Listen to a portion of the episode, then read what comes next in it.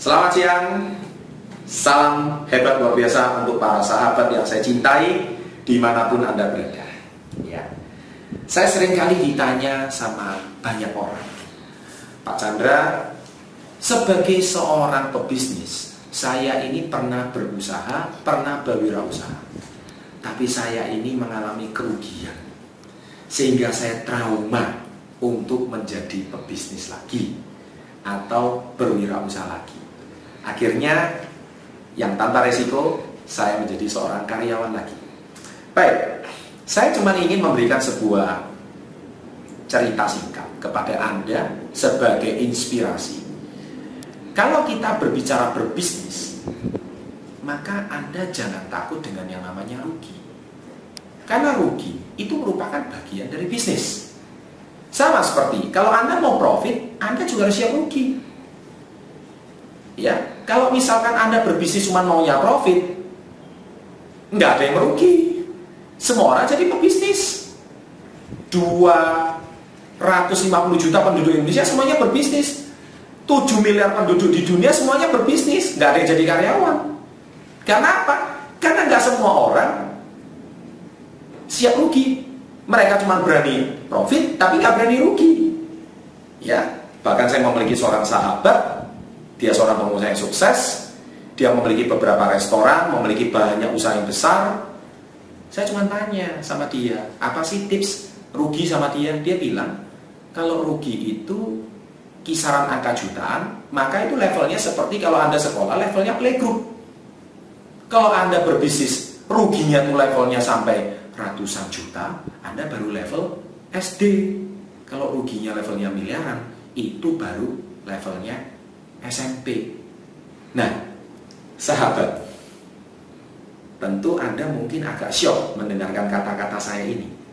Tapi seperti saya berikan di tips-tips sebelumnya, bahwa Anda belajar berbisnis itu ada levelnya, ada tahapnya.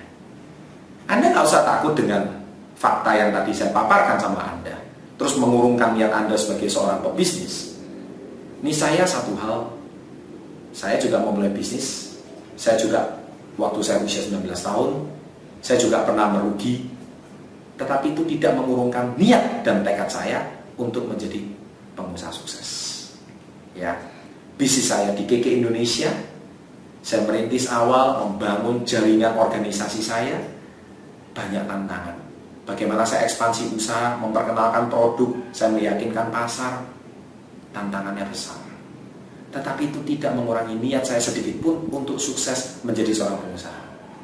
Akhirnya dalam waktu cuma satu tahun setengah, saya berhasil meraih posisi puncak di perusahaan KK Indonesia sebagai cross director dan saya memiliki jaringan organisasi yang cukup rapi. Itu semua bukan terjadi dalam satu dua hari. Itu semua adalah proses saya ketika saya mulai belajar berbisnis di usia 12 tahun. Dan saya meraih peringkat itu di usia 21 tahun. Tentunya banyak orang mengira, wah satu tahun setengah saya sudah sukses. Jangan salah. Sebelum satu tahun setengah saya meraih peringkat tersebut, delapan tahun saya sudah berjuang. Dan delapan tahun saya ditempa, diproses, ya, dibentuk sehingga sembilan tahun. Maaf, bukan satu tahun setengah. Saya butuh waktu sembilan tahun untuk meraih posisi tersebut. Nah, sahabat, pertanyaan saya, kapan Anda mau mulai berbisnis?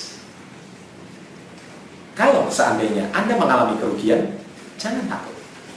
Kerugian bukanlah bencana, bukan kiamat. Tapi kerugian merupakan uang sekolah untuk Anda evaluasi, untuk Anda belajar lagi, mengembangkan lagi, mencari tahu kelemahan Anda di mana, mencari tahu kesalahan Anda di mana, niscaya Anda tidak akan jatuh di lubang yang sama. Jangan takut rugi, tetaplah anda di jalur menuju impian Anda sebagai seorang pengusaha yang sukses. Salam hebat luar biasa.